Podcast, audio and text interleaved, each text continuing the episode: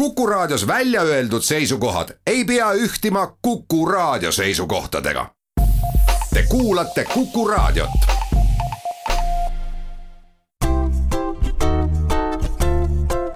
patsiendiminutid, Patsiendiminutid toob teieni Eesti Patsientide Liit. tere, head Kuku kuulajad Covid-vastane vaktsineerimine on täies hoos, aga lisaks vaktsiinide puudusele tekitab veidi segadust ka see, mida arvata vaktsiinide kõrvaltoimetest. mina olen Kadri Tammepuu ja hea meel on täna stuudios tervitada Kuressaare haigla juhti, hematoloog doktor Edward Laanet, tervist! tere päevast! AstraZeneca vaktsiini on Euroopas süstitud üle kolmekümne viie miljoni doosi ja nüüd on selgunud ka üks haruldane kõrvaltoime, teatud erilised trombid, mida tuleb ette vaktsineeritudest umbes sajal tuhandest ühel. räägimegi siis täna, millised need trombid täpsemalt on. aga enne, kui me vaatame neid kõrvaltoimeid, võrdleks neid nagu teiste vaktsiinidega, et on neid kõrvaltoimed siis vähe või palju, kui me võrdleme AstraZeneca vaktsiini Pfizeri, Moderna, Johnson Johnsoni või miks mitte ka Sputnikuga? Jah, vaktsiinidel on kõrvaltoimed, aga ütleme, õnneks on nad enamasti head selles mõttes, et nad on mööduvad kõrvaltoimed ja ei ole rasked, et kõige tüüpilisemad kõrvaltoimed on ikkagi süstekoha valulikkus ja palavik peale vaktsineerimist, võib olla ka lihasliigesvalu, nagu selline ongi külmetushaiguste või gripti sümptomaatika, mis võiks kesta üks-kaks päeva. AstraZenecaga kahjuks on nüüd välja tulnud, et tõesti on üliharuldane kõrvaltoime, mida nimetatakse lühendatult VIPit ehk vaktsiini indutseeritud protrombootiline immuuntrombotsütopeenia. ja see on tegelikult niivõrd haruldane kõrvaltoime, et väga vähesed teavad sellest ja nüüd ilmselt siis hakatakse palju rohkem teadma algselt, kui AstraZeneca vaktsiin sai heakskiidu ja me peame meeles pidama, et Euroopas kõik vaktsiinid on saanud heakskiidu tingimuslikult et see ei ole lõplik heakskiit, aga arvestades viiruse levikut, surmasid, mis kaasneb viirushaigusega, mõtleme just koroonaviirusega, siis vaktsiinid olid piisavalt ohutud, et lubada turule ja kui tehti kliinilisi uuringuid, siis AstraZeneca vaktsiiniga ei tulnud välja tromboosi signaali. tõesti, millest palju räägiti, olid just need allergilised reaktsioonid ja oli ka näonärvi halvatus, millest räägiti, aga mitte tromboosidest ja nüüd nagu välkselgest taevast on tulnud äh, tromboosid. võib küsida, miks see nii on? vastus on tegelikult lihtne, et kui on väga haruldane kõrvaltoime, siis kliinilistes uuringutes ei pruugigi selline kõrvaltoime välja tulla. kui me uurime, ütleme viite tuhat inimest või isegi viiteist tuhandet inimest või kahtekümmet tuhat inimest, siis kui esinemissagedus on üks sajale tuhandele, siis ta võib tulla, aga võib ka mitte tulla ja nüüd, kus äh, vaktsiin on jõudnud massidesse, alles äh, praegu me saame siis teada, et selline kõrvaltoime on nüüd võrreldes teiste vaktsiinidega tõepoolest mRNA vaktsiinidega äh, ei ole sellist signaali praegu tulnud, kogu tromboosi temaatika on intensiivse uurimise all praegu Euroopas, kõik helgemad pead tegelevad sellega, kuid äh, mida arvatakse, mis on noh, hetkel praegu hüpotees, mitte kindel teadmine, üks küsimus on see, et äh, kas on põhjus või probleem adenovektoris endas, millega on AstraZeneca tehtud. see on siis see vektor, mis viib äh, siis toimeaine õigesse kohta, eks ole? täpselt mm, -hmm. täpselt, siis on diskuteeritud ka selle üle, et kas DNA mängib mingit rolli, sest on olnud publikatsioon, mis näitab, et kaksikahela DNA nagu DNA ongi, võib mõjutada trombotsüüte, et selline publikatsioon on olemas. ja kindlasti on tähelepanu ka ogavalgul endal, S-valgul. jah, praegu võib öelda, et RNA vaktsiinidel sellist trombootilist signaali ei ole välja tulnud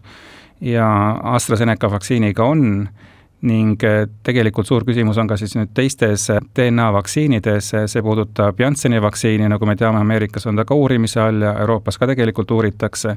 et kas on ohutu. Ja võrreldes AstraZeneca vaktsiiniga, kui Jansseni vaktsiin kiideti heaks, ta on ju tegelikult heaks kiidetud Euroopas, seal on tegelikult trombootilise signaali risk olemas, et eh, seda tuleb hoolikalt jälgida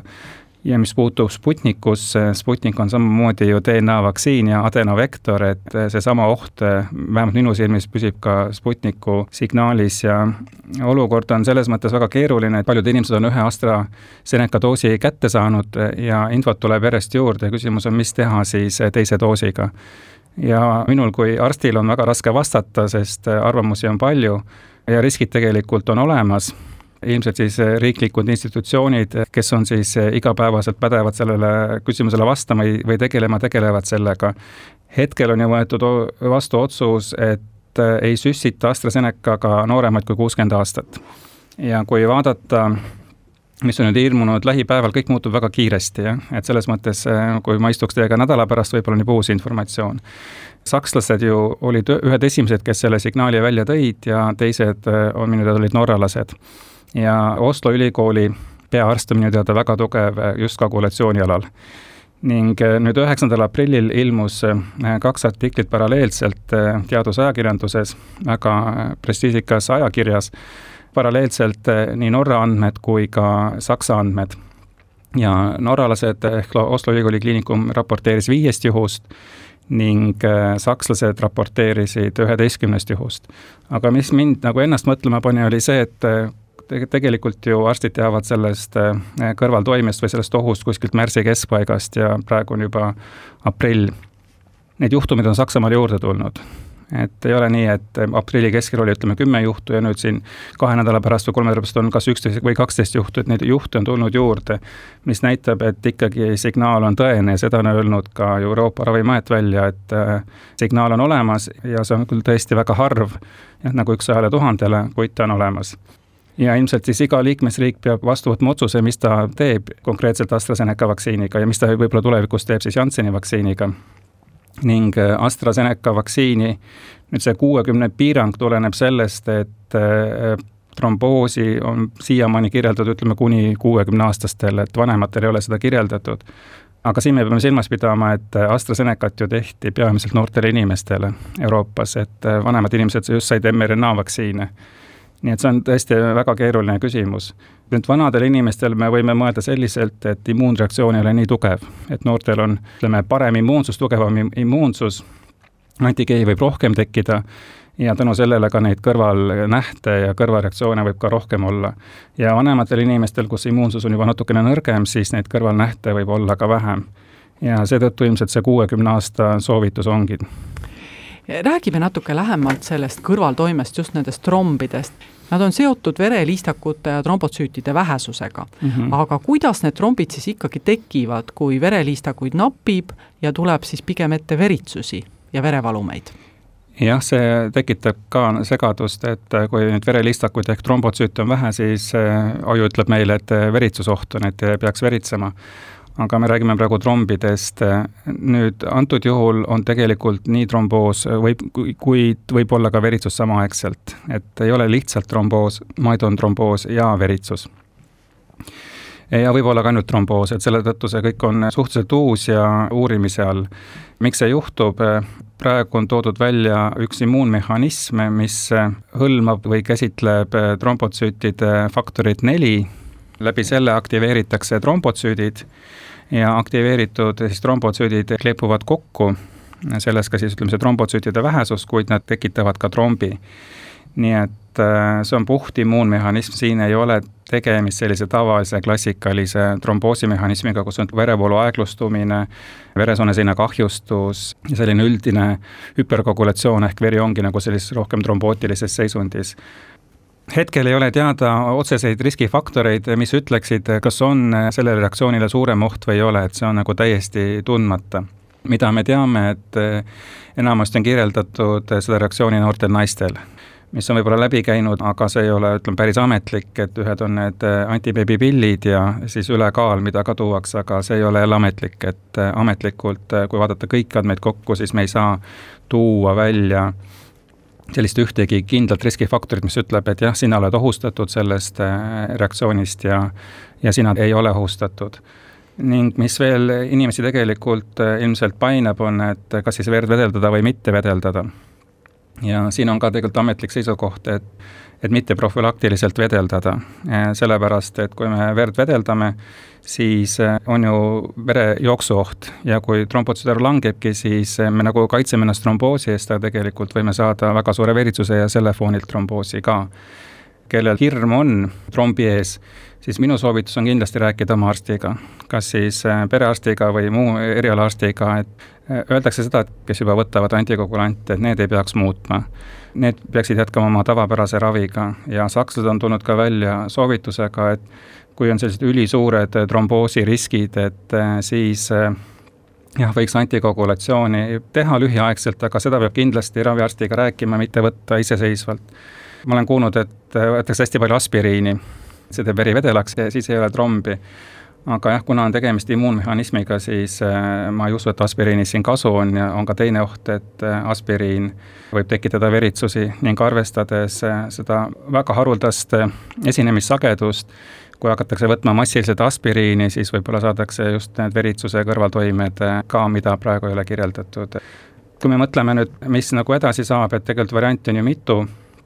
üks variant on see, et kes on juba AstraZenecaga vaktsineeritud kord, siis tegelikult antikehad tekivad kolme nädala pärast äh, ning äh, kellel on soov neid antikehi kontrollida, seda saab ju Eestis teha ju tasulises meditsiinis, et vaadata, kas on antikehi või ei ole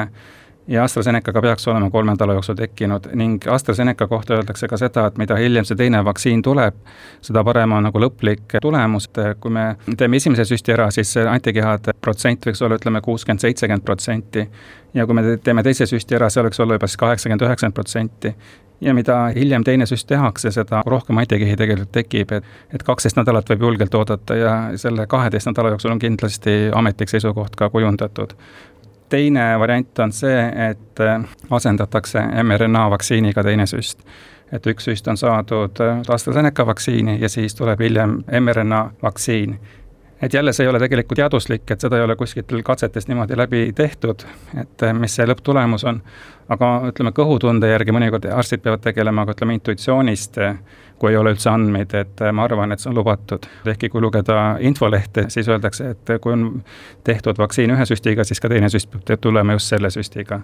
ja, ja siis on veel variant, et kui nüüd see teine süst jääb kuude taha, et siis järgmised kaks süsti nagu hakkab otsast peale, tuleb siis mRNA vaktsiin, aga seda kõik nüüd siis lähinädalad või lähikuu ilmselt näitab. Läheme siit väikesele pausile patsiendiminutid patsiendiminutid toob teieni Eesti Patsientide Liit. oleme pausilt tagasi ning räägime vaktsiinidest. meil on stuudios doktor Edward Laane ja mina olen Kadri Tammepuu kuidas äh, inimene nüüd nendest trombidest aru saab, et äh, räägitakse, et äh, kusagil tulevad mingid täpikesed ja kusagil võib-olla valutab, aga kui kiiresti see kõik areneb ja kui ohtlik see võib olla? Seisund on tõsine, kui on nii tromboos kui veritsus, siis seisund on tegelikult väga tõsine ja kodus sellega kindlasti hakkama ei saa, et see vajab igal juhul haiglaravi ja intensiivravi. ja ka väga sellist täpset diagnostikat tromboos selle sündroomi kohal on nõndanimetatud ebaharilikes kohtades, kus tavaliselt trombi ei ole, et kui me tavaliselt mõtleme trombi peale, siis ta on niisugusel jalaveenides ja sealt võib minna tromb siis kopsuarteritesse ja anda siis nii-öelda selle kopsuarteri trombemboolia nüüd äh, immuunmehhanismiga äh, tromboos on äh, kirjeldatud eelkõige ajuveenides. jah, nii et kesknärvisüsteemi veenides, ajuveenides on see kõige sagedasem ja siis on ka kõhuõõneveenides on ka kirjeldatud ja ka tegelikult muudes veenides, aga need kaks on kaks peamist ja sellelt tulenevalt siis, kui on ajuveenide tromboos, siis võib olla tugevad peavalud, võivad olla nägemishäired või nägu, nägemise hägusus ja kui on äh, kõhuveenide tromboos, siis äh, kõhuvalud, võib-olla iiveldusoksendus, äh, võib-olla ka kõhulahtisust, aga just need valud on sellised esmased sümptomid. ma kujutan ette, et see tegelikult ei ole üldse lihtne, kui me mõtleme, palju inimestel pea valutab ja kui me teeme vaktsiini ja me peame ootama näiteks kaks nädalat, et väga paljudel inimestel võib olla selle aja jooksul mingi peavalu episood minu soovitus oleks lähtuda sellest, mis on varem olnud. et kui tuleb ka peavalu ja ta on täpselt samasuguse iseloomuga, nagu ta on varem olnud näiteks migreeni tüüpi või pingepeavalu tüüpi, siis tõenäoliselt on ta ikkagi seesama vana peavalu, ta ei ole immuunmehhanismiga seotud tromboos. kui see on nüüd teistmoodi, uus mingisugune jah, sümptom, mida pole varem kogetud, siis tõesti, see võib olla seotud tromboosiga ning trombotsütopeenia, trombotsütide vähesus või vereliistakute vähesus siin on kõige tüüpilisemaks sümptomiks äh, täppverevalum, et sellised väikesed punakad täpid, äh, nad on tavaliselt valutud, neid on palju ja nad on tavaliselt kätel ja jalgadel sümmeetriliselt, võib olla ka kehatüvel, et kui täppverevalumid on kehatüvel, siis on juba seisund raskem, et äh, siis on vaja kindlasti arsti juurde pöörduda. ka siis, kui on täppverevalumid kätel ja jalgadel, jah mida tähendab see arsti juurde pöördumine, et kas peaks helistama kohe üks, üks, kaks, peaks minema EMO-sse või helistama lihtsalt perearstile mm? -hmm ma arvan, et kõige mõistlikum on ikkagi algselt helistada perearstile, aga see oleneb jah sümptomite raskusest, et kui on täppveremalumid äh, nahal ja on, on valud, kas siis kõhus või peas, siis mina arvan, et on kohe EMO-sse minek kui on ka täppveremalumid nahal, siis ma arvan, et mõistlik on ikkagi minna EMO-sse, et äh, see peab kontrollima trombotsüüte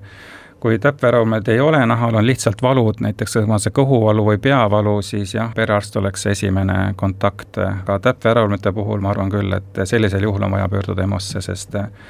kui trombotsüütide arv on langenud, siis tõesti oht on veritsustele ja sõna otseses selle immuunmehhanismiga on ka oht äh, trombidele. kui paljud äh, inimesed siiski tulevad sellest olukorrast välja, kui nad saavad õigel ajal ravile? seisund on selles mõttes väga tõsine, et äh, kui lugeda neid, need kahte artiklit, mis üheksandal aprillil avaldati, siis ainult kahjuks ainult pooled tulevad sellest välja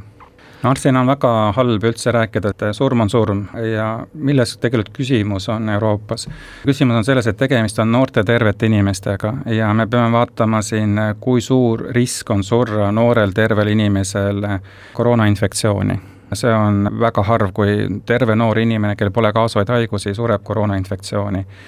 Ja teiselt poolt on nüüd see vaktsiinitüsistuse risk, mis võib lõppeda ka surmaga. Ja hetkel on teadmine, et neid tromboose koos trombotsütopeeniaga, neid on rohkem, kui võiks olla tavapopulatsioonis ehk tavaelanikel, et see signaal on tugevam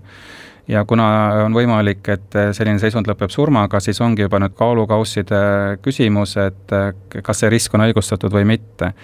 Ja ma arvan, et tõenäoliselt need otsused tulevadki liikmesriikide kätte, sellepärast et epidemioloogiline situatsioon võib olla täiesti erinev eri riikides.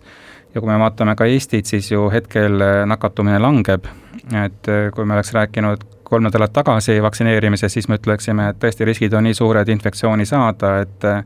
vaktsineerimine on igati õigustatud, nüüd kus on juhte juba vähem ja võib-olla kahe nädala pärast on veel vähem, siis juba tekib küsimus, et tõesti, kas noori inimesi on õige vaktsineerida AstraZeneca vaktsiiniga või oodata näiteks paar kuud või sügiseni, kust rohkem tuleb mRNA vaktsiine, et need on väga tõsised küsimused. Ühesõnaga see, kui ähm, inimene peab tegema otsuse, siis tuleb neid asju kaaluda ja täna ei ole võimalik ette öelda, kellega see olukord võib ette tulla jah, selline see olukord on ja kus kohas Eestis need riskid on nagu püütud maandada, et äh, soovitus on antud mitte alla kuuekümneaastaseid vaktsineerida AstraZeneca vaktsiiniga, kellel on äh, väga suur risk saada infektsiooni ja kes võtab ka nagu ütleme, teatud mõttes ise riski, et ta on nõus selle AstraZeneca vaktsiiniga, siis äh, ma saan aru, et seda võib veel teha üldine soovitus on siis mitte alla kuuekümneaastaseid vaktsineerida. Ja mis puudutab nüüd üle kuuekümneaastaseid, siis me täpselt ju ei tea seda, et äh, kui suur see risk on, sellepärast et Euroopas süstiti eelkõige just nooremaid inimesi AstraZeneca vaktsiiniga, et kui me mõtleme, et äh, see sõltub nüüd immuunreaktsiooni tugevusest, me ei saa välistada, et seda võib ka vanematel inimestel olla, aga me loodame, et see on veel harvem ja arvestades, et vanematel inimestel koroonainfektsioon võib lõppeda väga raskelt, siis siin see kaalukauss on rohkem selle vaktsineerimise kasuks hästi,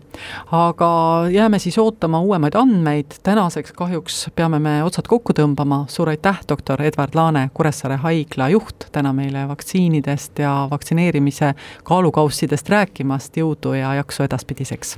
aitäh ja püsige terved ja loodame, et suve jooksul saame koroonaviirusest jagu! patsiendiminutid.